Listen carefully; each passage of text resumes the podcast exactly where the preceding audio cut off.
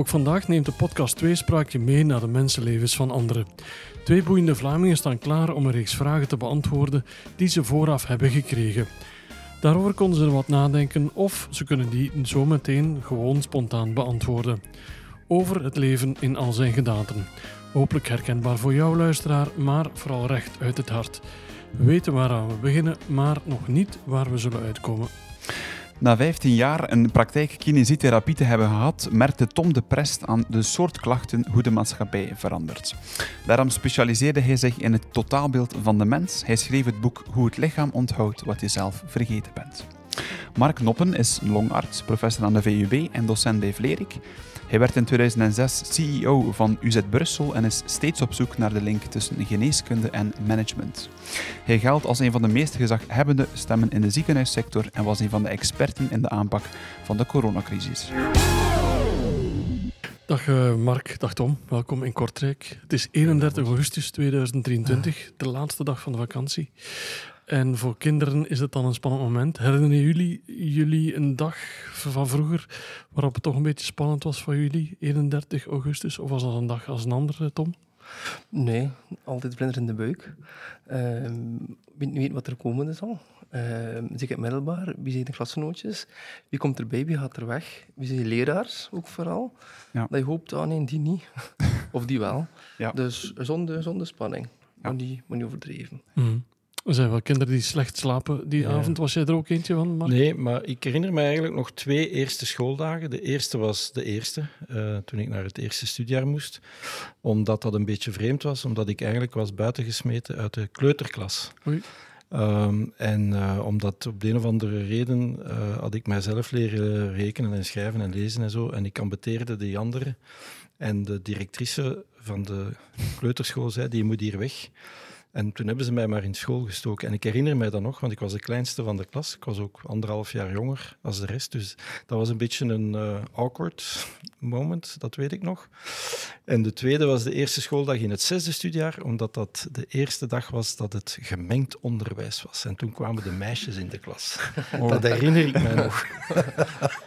dat was ook een stressy moment. Ja, ja. maar die moesten allemaal van voor gaan zitten. Mm. Ja. En de jongens van achter. Dus je mocht, het was nog allemaal uh, strikt. Uh, ja. Nu zijn we dan natuurlijk anders gewoon, maar in jouw tijd was het. Ja, dat was absoluut nieuw. Hè? Mm. Mooi. We hebben er voor de trouwe luisteraars een lange pauze op zitten. We hebben de zomer ook even zelf gerust, hè, Steven. Um, nu, jullie hebben vra de vragen op voorhand ontvangen. Heb je die gelezen, Tom? De vragen, heb je die voorbereid? Um, ik heb die voorbereid, ja? maar niet in detail, omdat ik wil uh, zien hoe het loopt soms. Ja. En wat er binnenkomt en of het gesprek gaat. Want anders, als je daaraan op fixeert, dan is de flow ook soms een beetje ja. weg, denk ik. Dus uh, het gaat van het gevoel komen, denk ik. Super. Mark, ben je ook een en al flow? Of, uh, ja. een paar keywords en één zinnetje zo. Fantastisch. Per vraag. We zien wel, hè. Super graag, Steven. Absoluut, maar jullie hebben al wat media-ervaring, heb ik gehoord in het vorige gesprek, dus dat komt goed. Fantastisch. Stel ik voor dat jij er de eerste vraag uitpikt. Mag ik die eer aan jou geven? Ja, dankjewel. Um, het leven gaat zijn gang en af en toe uh, ja, komen we dan dingen tegen waaruit we iets leren. Wat zinvol is, omdat we daardoor rijker worden als mens. Dat is mooi.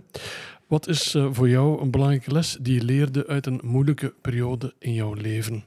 Dat is meteen een binnenkomer van je welste. Mark, mag ik dat aan jou vragen? Ja, nu ga ik even spieken wat ik daarop uh, gezegd heb. Ah ja, ik vond dat een heel moeilijke vraag en ik vind dat nog altijd een hele moeilijke vraag omdat uh, ik denk dat ik bij mezelf moeilijke periodes op een of andere manier delete uh, uit mijn uh, beschikbaar geheugen. Mm -hmm.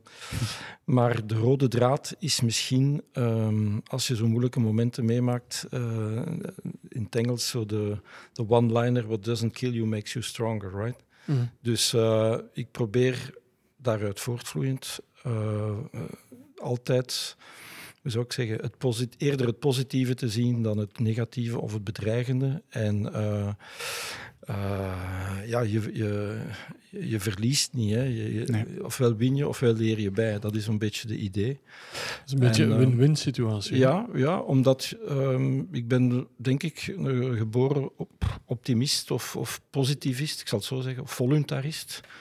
En ik heb het zo niet op eh, dat genjij en gekanker. En eh, waarom ik ook een afkeer heb van vele social media. want Ik vind dat echt een baggerput. Ik heb het ook zelf meegemaakt tijdens corona. Je kunt het niet geloven. Ehm, maar ehm, dus dat is zo'n kantje van de mensheid dat ik niet graag zie. En dus hou ik er mij ook niet mee bezig.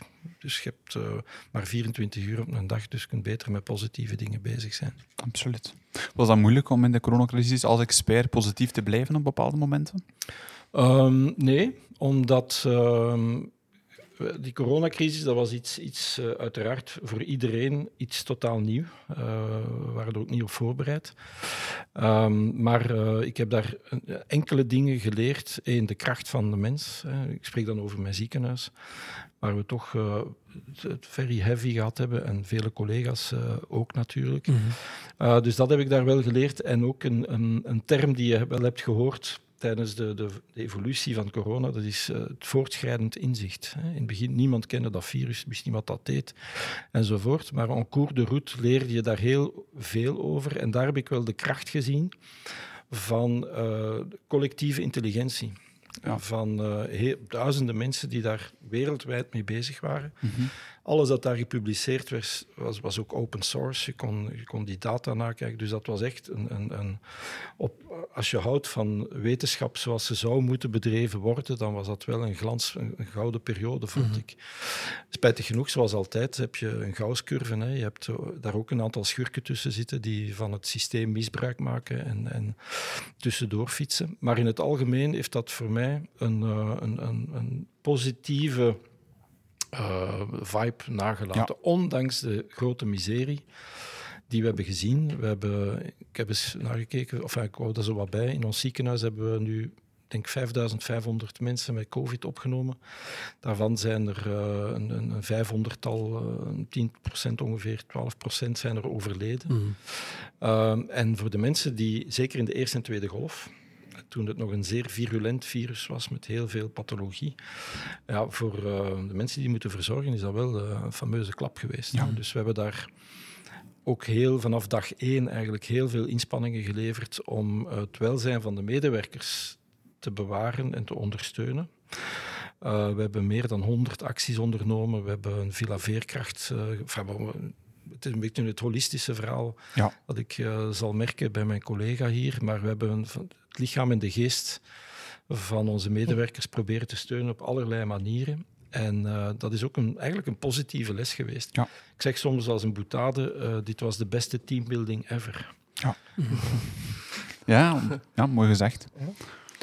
Tom, we gaan de vraag ook eens aan jou voorleggen. Hè. Wat, wat heb jij geleerd? Wat is voor jou een belangrijke les uit een periode waarin het minder goed met je ging? Um, ik heb vooral van onthouden uh, dat je op het einde van de rit uh, verantwoordelijk bent voor je eigen keuzes. Ja. En, en dat je inderdaad dat je zegt van uh, het is belangrijk op wat je je aandacht richt. En de perceptie bepaalt je geluk. Ja. En je kiest op wat dat je je perceptie richt. En je kunt je wentelen in slachtoffer, Mhm. of je kunt leren en groeien. En ik denk van, alles is een keuze. En elke dag heb je die keuze. Ja. Maar je moet de keuze durven maken. En veel mensen uh, willen geen keuze maken. En believen dat de keuze gemaakt wordt voor hun. Of vragen, uh, veel mensen hebben cry for attention. en dan zie je dat, dat mensen die aandacht uh, vragen, zich blijven wentelen in een ziektepatroon. Hè. En denk je, ja, maar dat is ook een keuze. Ja. Uh, maar ik vind, als je, als je dan toch een quote post op sociale media, je zo dag en, dag en nacht ziet, dat, dat, dat je het had hebt. Ik zeg maar, beleef je het ook? Doe je het ook? Ja. Of is het gewoon iets dat je post omdat het gewoon leuk om te posten is? Ja. En dan vraag ik me soms af. Van, uh, je schrijft dat ook heel mooi in je boek dat ik onlangs gelezen heb, is inderdaad het feit dat je het zelf ook op een bepaald moment echt heel moeilijk had. En dat Mhm. je van daaruit ook de kracht put om één, het in een boekvorm te schrijven. Heb je daar ook zelf veel aan gehad, van te zeggen van dit moet anders, Tom? Het boek schrijven zelf was enorm therapeutisch. Dat was echt het afschrijven. Ja. Ik had niet gedacht dat het zo ging zijn. Ik wou het stuk vertellen uit de theorie, Mhm. maar het schrijven zelf, het voorwoord dan vooral, heeft mij, uh, mij veel kunnen loslaten. Ja. En dan, kijk, het is out there. En ik denk, ik ben overtuigd, hoe, opener je bent, dat open, dat open zijn openheid creëert. Ja. En dan, eh, dan krijg je pas verbinding. Dat ze zo veel gebruiken het woord. Maar dat is wel. Dus eh, ja, dat was voor mij een, eh, een mooie les. Ja, dus eigenlijk een soort van therapie ook, zeg maar, om ja, een boek te schrijven. Want uiteindelijk, er staat wat theorieën, maar je beschrijft ook heel mooi dat het lichaam denkt en dat het lichaam voelt. Iets dat onderschat is de dag van vandaag. Dat de titel zelf een beetje zegt hoe dat lichaam onthoudt wat je zelf vergeten bent. Hoe bedoel je dat? dat Is dat on, on- een onderschat iets dat we veel te weinig bezig zijn met ons bewustzijn, ons lichaam, wat we allemaal onthouden en wat niet? Ik zie het veel in mijn praktijk. en Daarvan dat dat Ja. ook gegroeid is. Hè. En ik merk heel hard hoe het lichaam luistert naar wat je denkt en doet. Ja. Ehm, en het lichaam echt een vertaling is van een past history. Mhm. En dat eh, zien we. En dan, ik, ik vind de belangrijkste zin uit, uit het boek is: het lichaam kent geen tijd. Ja. En eh, ik hoor veel mensen, 30 en 40 en 50 jaar, die dan klachten ontwikkelen en het dan doorvraagt in amnese, dat toch heel veel uit de kindertijd eh, meegenomen wordt. En als je het dan vraagt, ja, maar is het oké? Ja, maar ik heb het een plaats gegeven. Ik zeg, ja, in je lichaam waarschijnlijk. En daarom Ja. zit je hier nu. Ehm, dus dat is voor mij Dat bewustzijn. het bewustzijn. Belangrijk. Mooie les wel, vind ik, om zo mee te beginnen. Als Zeker. eerste vraag. Heavy. Ik ga er een, eh, een tweede aan koppelen. We gaan het iets lichter houden. Direct mijn favoriete vraag. Sorry, Steven, na de zomer mag dat. Ehm, je mag één avond iemand, overleden of nog aanwezig, naar keuze uitnodigen voor een goed glas wijn. Wie kiezen? En ik zie Tom heel hard knikken van... Ik wou het licht houden, Ja, maar ja, nee, nee. het is niet echt geworden. Het is mijn, mijn papa. Is gestorven zeven jaar geleden. Ja. En uiteraard, Begrijpelijk. ja, denk ik dat het wel een keuze is dat je een keer een avond wil met hem spenderen. Waarover zouden jullie het dan hebben op die avond, Tom? Goh, dat was een vrij gesloten mens. En over gevoelens babbelen deed hij niet. Hij had ook een moeilijke jeugd. En daar was hij afgesloten. En probeer een keer erdoor te geraken. Ja. Kijk, zijn er dingen die je nog wil vertellen of keer wil delen uit wat dan ook. En een keer willen bereiken. En is er dan één die echt zegt van dat zou ik hem sowieso willen vragen? Een vraag die je zelf mee zat, bijvoorbeeld? Goh, dat is een goede vraag. Ehm het zit me niet iets om te denken. Nee, nu hoeft niet. Hè. Uiteindelijk kan er veel gesproken worden. Ja, eh, Dronk hij graag wijn? Ik dronk graag. Ja. Oké, dat is bijna iets anders. hij was, maar niet het probleem, hij was een Burgondier. Hij was Ja. een uh, levensgenieter. Ja. Ja. ja. Hij zou het Op glas wijn, glas wijn thuis drinken? Of heb je een speciale plaats dat je hem zo naar meenemen en zeggen van we zetten Ah, ons daar? vraag. Eh, nee, thuis. Ja. thuis. In een heel rustige setting. Ja. Ja. Mhm. Mooi. Met wat je nu allemaal bereikt hebt met je boek bijvoorbeeld, zou je trots zijn, denk je, op jou? Hij zou het zeker zijn. Ja. Je zou het niet kunnen benoemen, of moeilijk kunnen benoemen, Ja. maar hij zou het wel zijn. Ja. Is het mooiste, denk ik. Ja. Dat je het weet. Een man van weinig woorden. Een man van weinig woorden. Mhm. Ja. Ja. Zat hij ook in dezelfde sector als jij? Of eh, totaal Nee, iets anders? nee, nee, nee, nee, nee. Hij was de oudste van zeven en heeft gezorgd dat, dat de rest kon studeren. Die Ja. werd opgeofferd. Hij heeft dat heel zijn leven uit de kindertijd meegenomen. Ja. En altijd het gevoel van minderwaardigheid en niet veel zelfwaarde.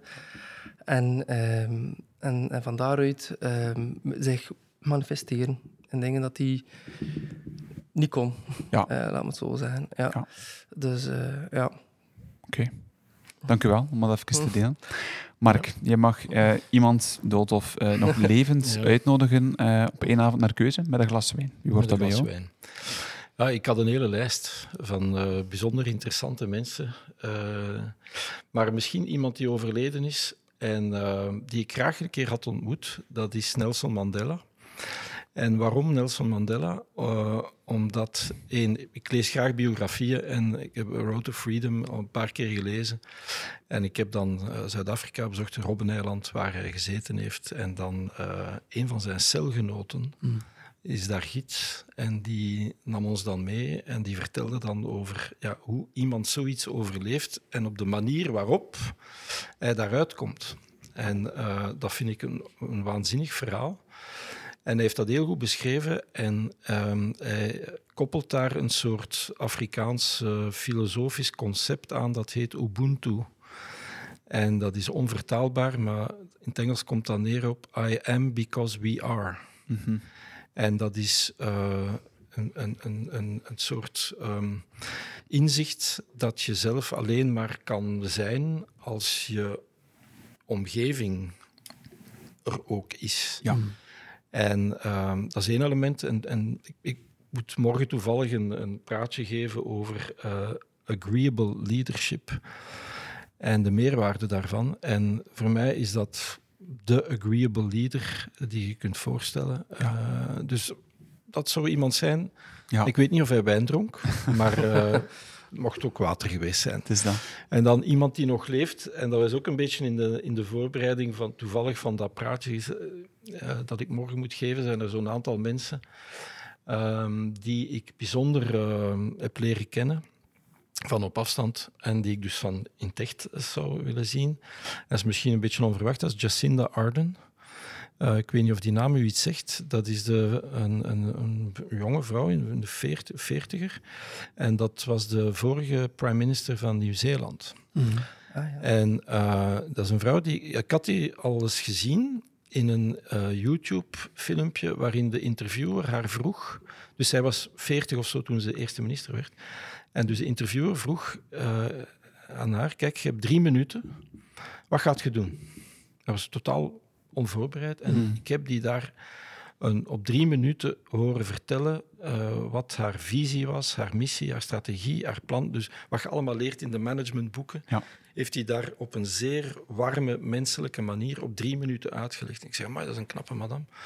En toen, uh, daarna was er een, een, ik weet niet of u zich dat herinnert, een terreuraanval in Christchurch in Nieuw-Zeeland, waar een, een, uh, een, een, een um, een moslimgemeenschap werd aangevallen door zo'n een fanatieke christen Ja. of ik weet niet wat. En een moskee werd, er waren heel veel doden. En zij heeft daar die mensen persoonlijk gaan opvangen. Ja. En ik zie dat beeld nog altijd voor mij. En dan was er ook eens een vulkaanuitbarsting waar de mensen geholpen heeft. En dan kwam corona. Mm. En zij heeft een, een coronabeleid gevoerd. Ik moet zeggen, nu, ze zitten natuurlijk op een eiland, of op twee grote eilanden. Dat is een voordeel. En ze hebben meer schapen dan mensen, allicht. maar ze hebben op een fantastische manier uh, die, die pandemie uh, gecontroleerd gehouden. Ja. En uh, ze is spijtig genoeg niet verkozen. En zij zegt zelf, dat is omdat ik... uh, I'm too agreeable. Uh, en mensen verwarren... Um, zachtheid en, en, en compassie met zwakheid. Ja. En zeggen, je kunt geen echte leider zijn als je empathisch bent en open staat voor, terwijl dat helemaal niet waar is. En daar is, ik hou heel veel van evidence-based zaken, dus geneeskunde, maar ook management. En daar is heel veel studie over gebeurd. En het zijn de, de agreeable leaders die het het verste schoppen. Mhm. Uh, en op langere termijn, en dat is een, inspiratie, een inspirerende madame, denk ik. En uh, ik zou ze graag... Uh, ik denk wel dat ze wijn drinkt. Uh, ik heb ze al bezig gezien ook. Uh, Nieuw-Zeelandse wijn is ook lekker. Is heel lekker. Uh, heel lekker, inderdaad. Uh, Jij staat aan het hoofd van het UZ van Brussel. Ben jij zelf een agreeable leader, zoals je dat zegt? Ah, wel, ik ben daarvoor uitgenodigd om daar een spreekbeurt over te geven. Dus ik neem aan dat, dat de buitenwereld mij wel zo wel ziet. En um, ik heb net vanmiddag mijn dry run gehouden, want het is, het is uh, allemaal technisch en zo. En um, ik, denk, ik denk het wel. Ik Ja. denk het wel. Um, en dat is toch wat ik hoor van anderen, want je kunt dat Ja. moeilijk over jezelf zeggen. Um, en dan kom ik terug op, of dan ga ik een beetje aanpikken op wat uh, de collega hier zei over uh, het lichaam en, en het geheugen van het lichaam. Um, wat mij altijd fascineert is, uh, ik denk als je een goed, als je een leader moet zijn of wil zijn, of dat uw rol is, uh, dat dat begint met zelfkennis. En uh, dat is zo in de spiegel kijken. Hè. En dan zie je eigenlijk twee zelven. Mhm. Je ziet het zelf zoals je zou willen dat je gepercipieerd wordt door de buitenwereld. Mhm. Hè. Dat is de, de, de frontale cortex, de neocortex, die dat rationeel bekijkt en analytisch. En dat wordt gemedieerd via het parasympathisch zenuwstelsel. Ja. En dan heb je het eigenlijke innerlijke zelf. Zoals je eigenlijk echt bent, dat zit in de amygdala. Dat is de oude hersenen, de Mhm. reptiele hersenen. En dat wordt gemedieerd in het lichaam door de orthosympathicus. Hè. Dus, en dat is, de kunst is het vinden van dat evenwicht Ja. tussen dat zelf zoals je zou willen dat de wereld je ziet en hoe dat je echt bent. Ja. En, en daar een authentieke ehm, eh, een authentiek evenwicht vinden, denk ik, ehm, is, is, is een key to succes, als je het zo Ja. mocht noemen. En agreeableness is een van de grote vijf personality traits, dus persoonlijkheidskenmerken. En eh, de helft daarvan, van die vijf, is ongeveer is constitutioneel bepaald. Dat zit in uw genen en uw opvoeding en uw, Mhm. uw historiek en uw rugzak. Ja. Maar de andere helft kan je voor kiezen. Ja. En je kan dus effectief kiezen om een agreeable leader te zijn. En uh, dat is uh, wat ik denk te betrachten. Ja. We zijn klaar, Tom, voor uh, vraag drie. Hopelijk jij ook. -huh. Um, het gaat over um, falen. Ja, we hebben allemaal uh, dingen die we doen in ons leven en soms slagen we en soms mislukken wij. Maar wat zou jij graag eens proberen als je wist dat je zeker niet zou falen? Dat vond ik de moeilijkste vraag. Oké. Okay. Ja, dat vond ik persoonlijk de moeilijkste Dit is vraag. elke week anders, hè, merk ik. De moeilijkste vraag. Ja. ja, en ik heb daar lang over nadenken. Wat zou ik echt willen doen als ik carte blanche kreeg en zeker niet zou kunnen falen? Mm -hmm. En ik denk, wat ik nu doe, maar dan veel meer gooien in, het, in hetgeen dat ik doe. En uh, er komt een tweede boek, dat is de primeur. Super, dank je wel. Er komt er een tweede boek. Maar de kunst is, uh, ik weet niet of je Eckhart Tolle kent. Nee. Nee? Ken ik niet. Eckhart Tolle heeft, heeft een boek geschreven. Ah, ik, jawel, jawel, sorry. Jawel, ken ik wel. Ja. The Power of Now. Ja. Eh, en dat is wereldwijd uh, een supergoed boek geweest. Ik zou het uh, fantastisch vinden, moest ik een boek kunnen schrijven, die wereldwijd dan, toch carte blanche uh, kan zijn, die andere inzichten kan geven in de mens. Ja. Eh, en dat we denken en dat we doen, het ego die zo dominant is, uh, dat. Dat zou ik willen kunnen betrachten. Moest ik ja. niet kunnen falen. Ben je daar vaak mee bezig met elementen die jou kunnen doen falen? Want uiteindelijk, ja, een boek uitbrengen, op het moment dat je het doorstuurt naar de uitgever, is het out of hands. Ben je daar vaak mee bezig met, hoe Ja. zal dat binnenkomen, kritieken, gaat het onthaald worden? Ik heb zeker bij de uitgever twintig keer gevraagd, geef snoeiharde kritiek. Ja. Het mag messcherp zijn, maar eh, geef, gewoon, geef gewoon feedback. Omdat ik, als ik het schreef, dat voelde. Dat, dacht, dat kan niet lukken. Dat is gewoon Ja. niet goed genoeg. Dat is een van de vragen zelf. Ehm, maar eh, dat voelde echt, dat stroomde gelijk niet. Maar ze zeiden, ja, het is goed, ça va, maar ik dacht, mm, ik weet het niet. Het voelde gelijk niet, eh. Niet zo. En dan, omdat er heel veel onzelfzekerheid in zit. Mhm. Daarom vroeg ik heel veel feedback. Per stukje dat ik doorstuurde, wou ik, wou ik, wou ik kritiek hebben. Van, zegt dat het niet goed is, dan ga ik eh, die inner fire kunnen aanwakkeren om het, eh, om het te doen. Om het beter te maken. Ja. Met jouw antwoord had ik ook het gevoel van, ja, Tom die heeft een soort missie, die, die wil de wereld verbeteren, veranderen, of zien we dat te groot?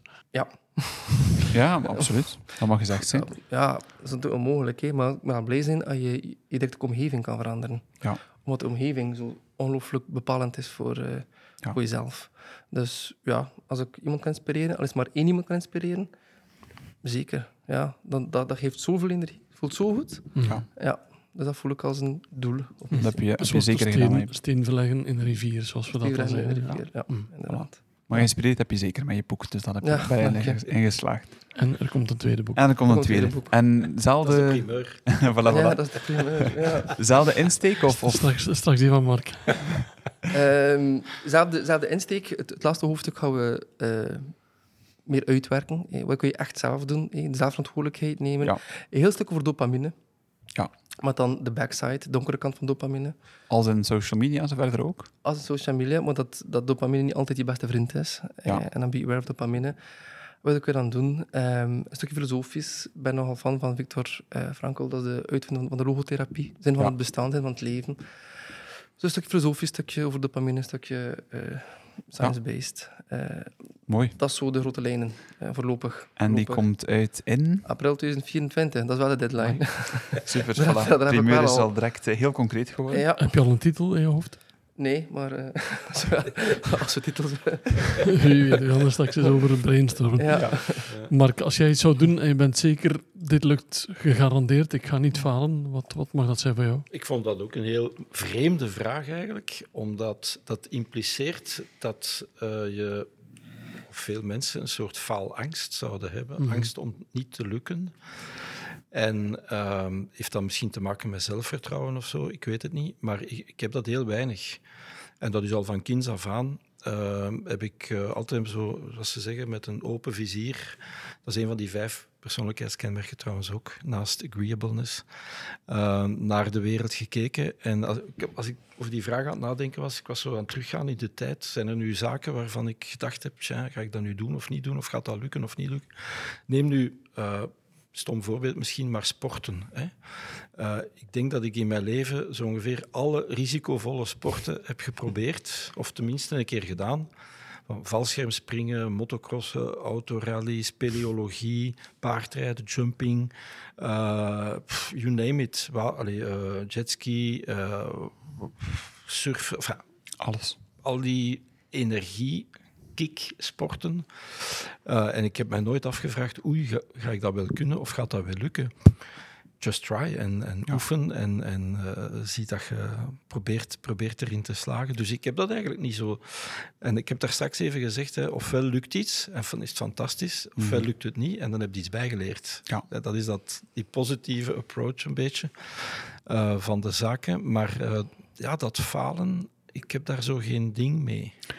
Onze vragen Zo. mogen inderdaad ook wat, wat uitdagen, maar zeg maar Ja. Tom, veel gerust aan. heeft dat iets te maken met de kindertijd of uit de kindertijd? Je hebt ouders die kinderen klein houden. Pas op, blijf daaraf, doe dat niet. Je hebt ouders die de kinderen stimuleren. Ik weet niet, Zou dat ergens daar een weerslag kunnen Ik, hebben? ik herinner mij niet dat dit eh, risicogedrag, als ik het zo mag samenvatten van mij, dat dat gestuurd geweest is of afgeremd. Ik herinner me dat eigenlijk niet. Nee, maar ze zeggen de Ik heb wel de onderneemt en mogelijkheden en- gekregen. ja, dat ze, dat, ze, dat ze stimuleren van onderneem en doe en Probeer zie. maar. En probeer maar. Probeer voilà, het voilà. maar. En als Ja. het lukt, dan mieux. En lukt het niet, bon, dan heb je Ja. het tenminste geprobeerd. Het is een beetje Ja. dat. Ja. Voilà. Die, ja, dat, Mhm. dat klopt wel. Ze hebben mij nooit gezegd van oei, oei, je mocht dat niet doen, Mhm. of dat is te gevaarlijk, of Ja. je kunt dat niet, of, of whatever. Ja. Ja, Nee. dat, zit, dat zit daar waarschijnlijk wel voor een deel Maar je bent altijd ondernemend geweest, hè? zelfs in een derde kleuterklasje, hoorde ik dat net. Ja, ja, ja, ja, ja.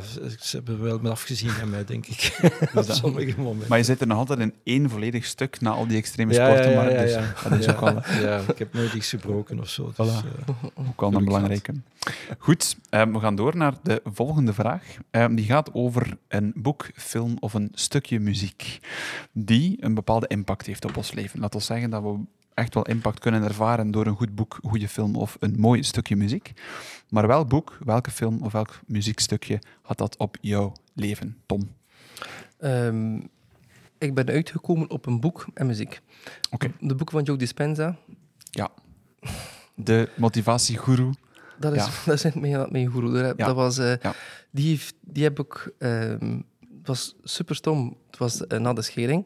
Dat Ja. was, en dat Ja, was een super zware periode. En ik kon niet slapen. En Mhm. eh, ik viel in slaap met YouTube. Ja. Super ongezond, maar het was... eh. Maar als je YouTube laat spelen, dan komt er filmpje, filmpje, na filmpje. En opeens eh, was ik zo half aan het indommelen en kwam Dispenza Ja. erop. En ik was al half aan het luisteren en ik dacht, man, dat is interessant. Ja.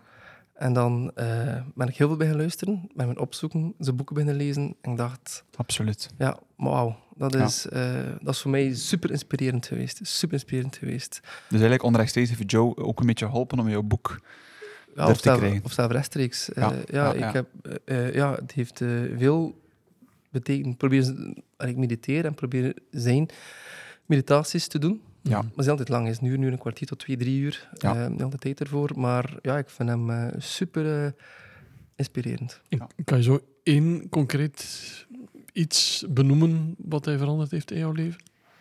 Perceptie. Ja. En the power of the mind. Ja, en, eh, en perceptie. En, en het leren mediteren. Ja, heeft, heeft wel een paar inzichten aan. En dan, dan is de bal vertrokken. Hè. Dan ga je naar Tolle, dan ga je naar andere... Ja. en dan, en dan zijn vertrokken. Naar, aan- zoveel mensen die op dat, op dat field bezig zijn. Eh, en dan gaat er wel wild voor je open. Mhm, ja, maar absoluut. de Spinza zelf eh had inzicht eh, op, op dat je, je recht. Wat doet mijn Ja. lichaam? Boeiend. Is dat iets voor jou, meditatie, Mark, of sta je daar ver van? Ehm, ik, ja, ik ken het niet. Ik ga er heel, heel simpel op antwoorden. Ik ken het niet. Ik moest vorige maand voor de eerste keer in mijn leven optreden op Tomorrowland. Eh, op mijn leeftijd. Als DJ? Eh, Ja, leuk. nee, nee, niet als DJ, maar Ja. er was zo een, een eh, zo Tomorrowland als vier dagen in de week en die andere drie dagen willen ze dat ook Ja. alles valoriseren natuurlijk. En ze hebben nu een, een nieuw concept, Love Tomorrow heet dat. Mhm. Ja. In de zin van Ja. hou van de toekomst. Hè. En eh, dat is, probeer ze ook op een, op een holistische manier wetenschap en filosofie een beetje te combineren. En de spreker voor mij was Steven Lorijs, Ja. een neuroloog, die eh, meditatie ook neurologisch Ja. aan het onderzoeken is. en Wetenschappelijk aan het onderzoeken was zeer boeiend. Dus ehm, eh, ik ga er mij er een beetje in verdiepen. Ehm, maar ik ken het persoonlijk eh, uit ervaring niet. Ja. Nee. Ik vind het wel cool dat je kunt zeggen maar dat je op Tomorrowland hebt gestaan. Ja, wie, wie kan dat Ja, zeggen? het is dat, want ze vragen niet ik door. hè. geen faalangst. Voilà. Je zei Tom, dus een boek, die hebben we al, maar je zei ook muziek. Ah, muziek van Jan Swerts. Oké, Ik weet niet wat dat bekend is. bij mij niet Ja. echt. Instrumentale muziek, denk ik. Mo- Moderne muziek. Oké, Dat is nog heel me- melancholisch, zwa- zware muziek. Hij heeft de, een van zijn cd's eh, is de Anatomie van de Melancholie. Oké. En dat is, eh, dat is, dat is gewoon muziek die mij eh, geweldig kan relativeren en zakken. Maar op een, op een goede manier. Die mij kan gronden terug. Ja. En ik heb geschreven met, met zijn muziek. Oké. Ja, en dat eh, was inspirerend. Dat brengt, bracht me heel veel rust. Ja. En als ik wil ehm, relativeren en, en, en ronden, is het zwart. Altijd zwart. En het verveelt ook nooit. Oké. Ja. Is dat die man van het Proximus-riedeltje? Nee, dat is eh Mauro Picotto, denk ik. Ah, Dat is een DJ. ah, ik dacht Eh, dat het... Nee, Wim Wim Mertens. Wim Mertens. Wim Mertens. Ja, Wim ah, Mertens. Mertens. Ja, Ah, ja. Mauro Picotto. Wim die- Van de oude Proximus jingle. Ja. Juist, ja. Ik verwarde met Zwers. Het was Nee, nee. Ah, ja, maar- dan, eh, heeft de, de soundtrack geschreven voor Zuidflank, bijvoorbeeld. Ah ja. Ja, maar vandaar ken ik hem. Het is waar. De naam doet me iets. Ja.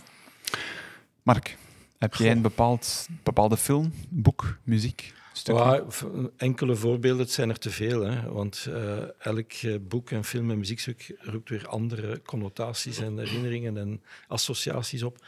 Maar bijvoorbeeld, in, als je het over boeken begint, ehm, eh, als ik het heb over eh, fictie, eh, ben ik nogal een fan van de, een beetje de strakke literatuur van Elschot en Lijmen het Been. Ik heb dat zeker twintig keer gelezen. En eh daar, je kunt daar ook heel veel managementkennis uithalen, by the way. Eh, en dan het magisch realisme. Dat is zoiets dat mij altijd geboeid heeft. Ehm, Johan Dijnen, eh, Harry Mulisch, dat soort zaken. En ik schilder ook een beetje, of ik heb wat geschilderd of gekliederd. En dat was ook altijd in die magisch-realistische sfeer. Dat boeit mij wel. Oké. Je hebt de realiteit en dan heb je ook het, het magische. Hè? Ja. En, en de mengeling van die twee, dat vind ik wel een heel boeiende combinatie. Dan biografieën. Eh, Mandela heb ik benoemd, ook biografie van eh, Steve Jobs, van eh, Isaacson. Een prachtige. Ik heb die ook al vijf keer gelezen. Ja, idem. Ik leer daar echt elke keer weer nieuwe dingen uit. Mhm. En dan, je hebt het daar straks, laten we zeggen, een beetje over filosofie en zo gehad. En ik hoorde nu iets zeggen over de zin van het leven. En er is één boekje dat aan mij is blijven plakken. En dat is een boekje van Jaap van Heerden. En dat heet Wat ben ik blij dat het leven geen zin heeft. Oké. En ik heb daar pff, 25 jaar of 30 jaar geleden gelezen. En ik zeg, oké, now I know. Dit is het. Ja. En dat biedt zoveel filosofische en menselijke mogelijkheden. Uh, en hij, hij, doet dat op een humoristische manier, in korte cursiefjes of essays, als je wilt. En hij doet dat op een, een briljante manier, toont hij aan of beschrijft hij of uh, vormt hij de, het concept. Um, ook ex absurdum. Dat het leven absoluut zinloos is in de zin van teleologie. Hè. Het, het, leven heeft een doel, uh, weet ik veel. Een grote architect die daar van alles voor u gepland heeft. Mm -hmm. Of een god of iets anders. Uh, nee. Uh, en eens dat je dat beseft, beseft je ook onmiddellijk de gigantische vrijheidsgraad die je krijgt om je leven in te vullen zoals je het zelf wilt. Om zelf keuzes te maken. Ja. En dat was voor mij een bevrijding.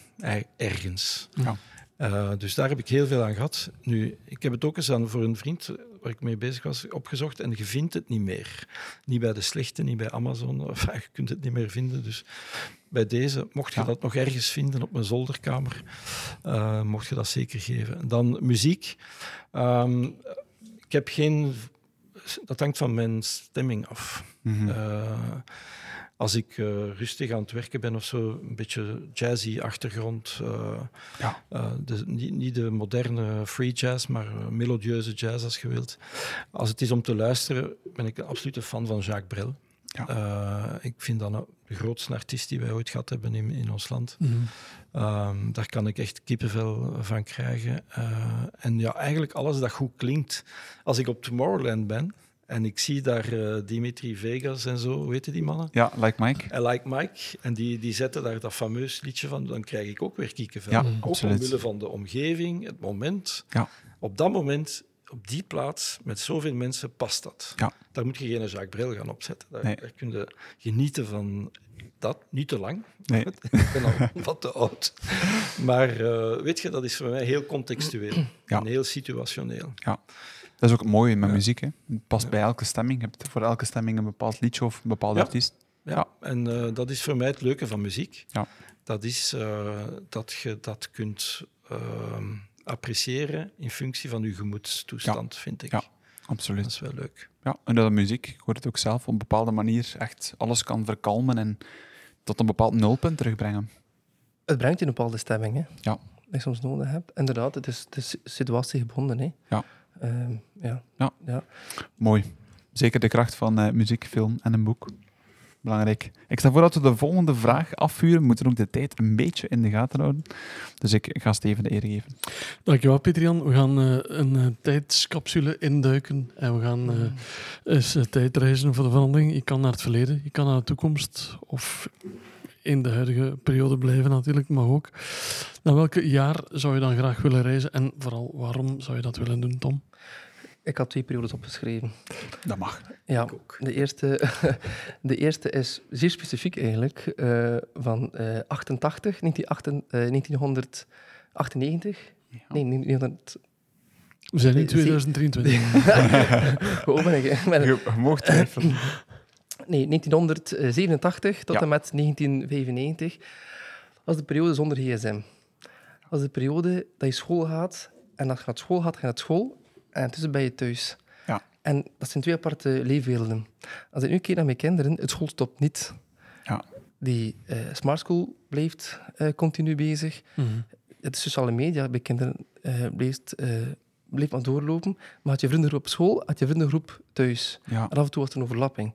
Maar twee aparte werelden. En als je afsprak met iemand, dan zorg je dat je er stond. Dat was zo... Dat was het gewoon. Het was Ja. veel duidelijker en concreter en veel minder prikkels. En dat was een, een simpeler, simpeler leven, maar Hm. ik vond het gewoon... het, ja, het was gewoon... Ik, weet, ik kan, ik kan niet benoemen wat het, wat het woord is. Er was toen ook misschien al veel minder dopamine op dat moment. De mensen werden veel het was goed rustiger. hem. Ja, ja. Ja. ja. het was gewoon meer serotonine. Het was meer, ja, het was meer serotonine. Ja. Ja. Ja. En de tweede periode is, omdat ik van Brugge ben, eh, graag een keer een Brugge beleefd in de middeleeuwen. Oké, Ah ja. natuurlijk. Ja, ja, omdat ik denk, ik ben in, in Brugge heb het Museum Historium, Ja. je geweest bent. Ehm, ik vind dat super boeiend. En ik dacht van, eh, hoe zou het echt geweest zijn in de Burstenstraatjes in de, in, in de middeleeuwen? Ja. Dat is de tijd dat ik, een periode dat ik graag zou, eh, zou gezien hebben. Ja. Ja. Ik vind het dus ook heel leuk om te weten dat toen dat UNESCO langskwam in Brugge om alles te waarderen, hadden ze zodanig veel werk dat ze zeiden, we gaan gewoon heel de stad UNESCO-werelderfgoed maken. Want alle gebouwen, dat is te veel werk, is gewoon heel de stad. Mooi. Oké. Ik ga eens even terug naar je eerste antwoord. Je zei eh, detoxen van gsm en dat soort van dingen.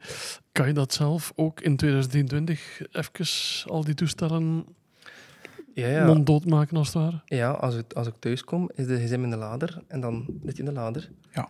Ja mijn is, niet- is ook geen wekker.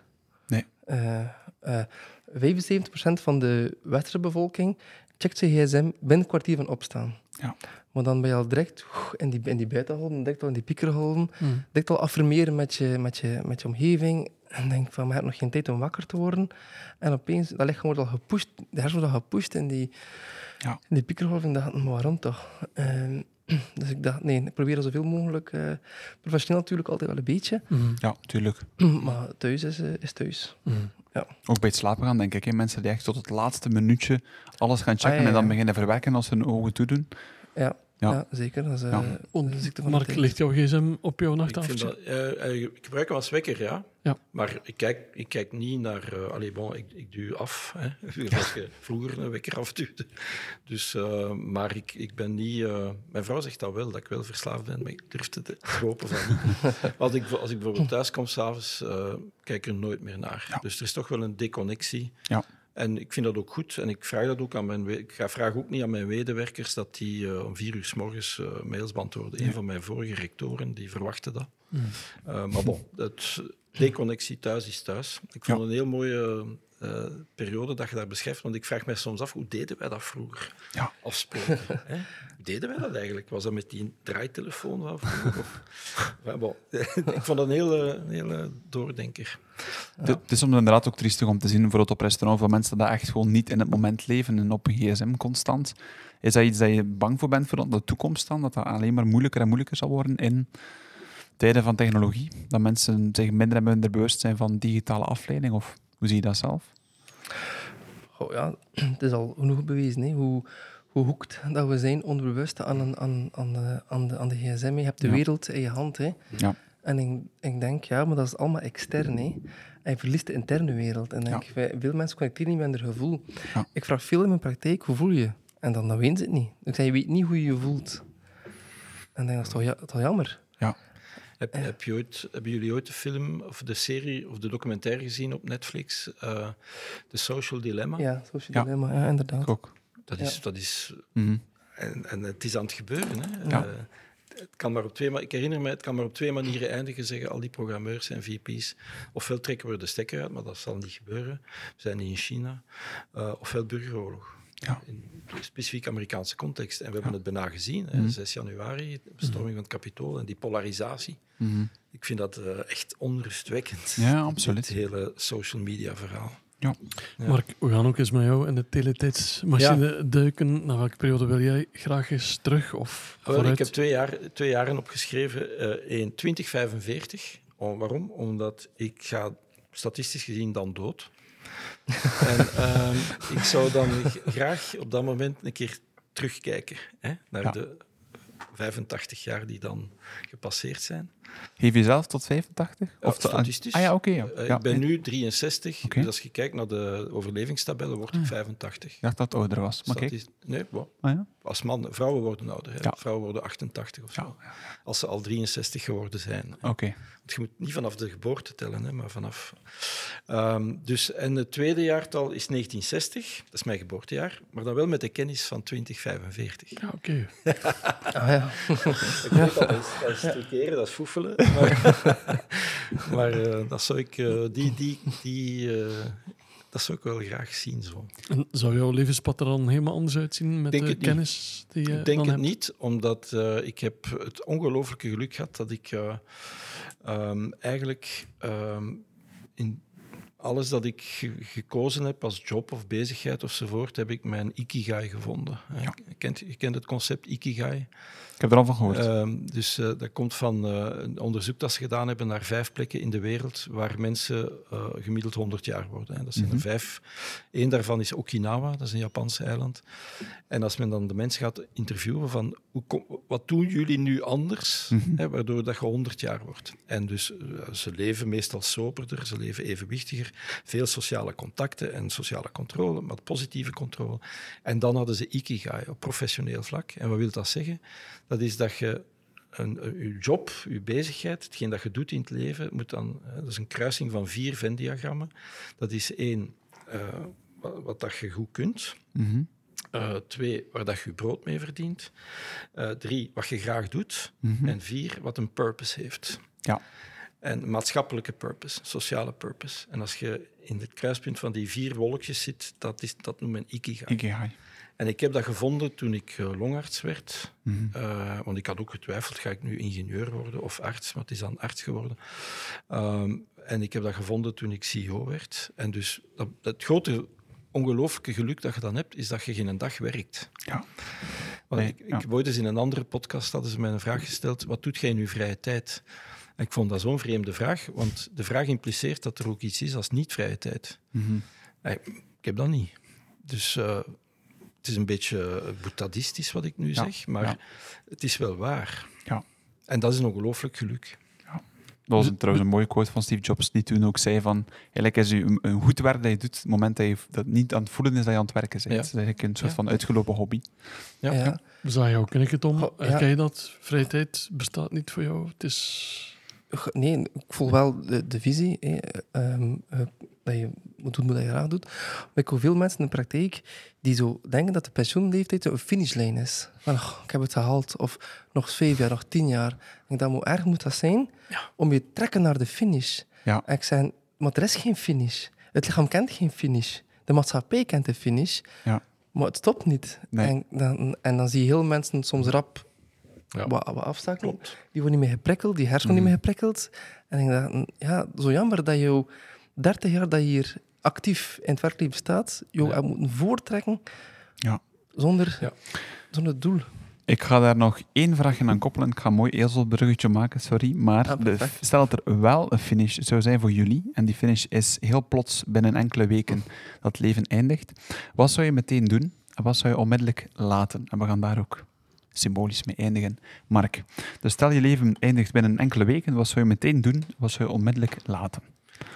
Ehm, later zou ik niet veel doen. Ik zou, jawel, ja, ik heb hier, dat heb ik toch wel een paar woorden over opgeschreven. Ik zou die laatste weken ehm, nog meer dan vandaag proberen door te brengen met mensen die ik graag zie en die mij hopelijk graag zien en, en daarvan genieten. Mhm. En veel eh, lekker mee eten en drinken, want we zijn ook nog Burgondier. En anekdotes ophalen en verhalen vertellen. Ja, En ik ja. hou heel veel van verhalen vertellen. Ja. En eh, ik zou ook tips geven over mijn groot afscheidsfeest. Ik ben er dan niet bij. Allee, het is tenminste, ik ben er dan wel, maar Ja. waarschijnlijk in een, of in een kist of verrast. Hè. Oké.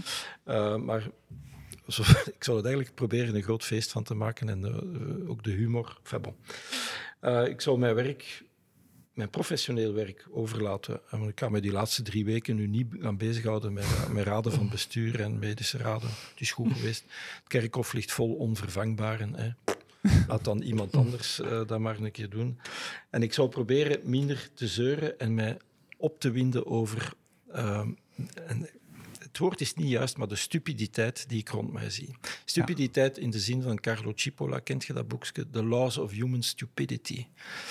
En het gaat niet over domheid of zo, hè, maar het gaat over. ehm, eh, het is een satirisch werkje, uiteraard. Hè. Het gaat niet over IQ-testen en dat soort dingen. Maar een, een, een stupid person is iemand die iets doet dat negatieve gevolgen heeft op hem en op zijn omgeving. Ja. Want daar kan niemand voordeel uithalen. Je kunt acties ondernemen die positief zijn voor u en negatief zijn voor de omgeving. Dan zijt je bijvoorbeeld een schurk, hè, Mhm. eh, een dief of whatever. En, en je kunt die vier kwadranten invullen, maar in het kwadrant waar dat je negatieve eh, acties onderneemt ten aanzien van jezelf en ten aanzien van je omgeving, that's stupid. Ja. Daar is geen meerwaarde aan, aan te halen. En dat vind je overal. En als je dat weet, dat is een interessante oefening. Ja. Als je morgen op een vergadering bent of je bent met een groep mensen, dat is om de mensen in die kwadranten te steken. Ja. En zelfs bij de meest intelligente mensen die er zijn, bijvoorbeeld in een groepje Nobelprijswinnaars, heb je ook stupiden. Ja. Ook mensen die ernaast zitten hè, en die dan ook negatief zijn voor hun omgeving. Montaigne is zo'n voorbeeld, Linus Pauling is zo'n voorbeeld. En dat zijn heel slimme mensen. Hè. Het gaat niet over IQ. Hè. Ze zijn niet stupid in de zin van dom. Maar vele mensen in Ja. mijn omgeving zie ik stupide dingen doen en dat snap ik niet. En ik erger mij daaraan. En die laatste drie weken, hè, want dat was uw vraag, zou ik Ja. mij daar niet meer aan ergeren. Nee. En zeggen, it's okay, guys. Voilà. Trouwens mooi dat je spreekt over een afscheidsfeest en niet over een begrafenis. Ik vind dat heel mooi, mooi gezegd. Ja. Ja. Belangrijk. Tom. Ja, ik vond het ook mooi gezegd, afscheidsfeest. Ik ga je antwoord pikken. ik wil ook een feest. Eh, maar ik ga nog aanvullen, ehm, super evident, ehm, dat ik tijd wil doen met mijn kinderen. Ja. Met mijn kinderen en dan denk ik ook eh, het vliegtuig op en dan nog iets zien dat ik nog graag had willen zien. Zoals? Dat is een goede vraag. Ik eh, ben geweest naar Nepal. Mhm. En op een, op een, op een trektocht. En dat was super interessant. En had ik graag nog Tibet gedaan. Ja. Eh, dus dat had ik nog, eh, nog gezien. eh, met de kinderen. Ja. Back to nature ook. Ja. ja. En nog mooie momenten creëren. Oké, Ja. Met goede verhalen. een Ja. goed verhaal. Beetje back to basics. Met je gezin in de natuur Ja, en niet ik- veel. Ik denk, hoe meer dat je basic gaat, hoe meer dat je creëert. En hoe meer dat je verbinding maakt. Hoe meer dat er echtheid is. Ja. Dus ja. ja. Iets dat je zou laten, Tom? Dat is wat je zou doen? Iets dat je zou laten? Ik zou alles laten. Ja, alles laten voor dat.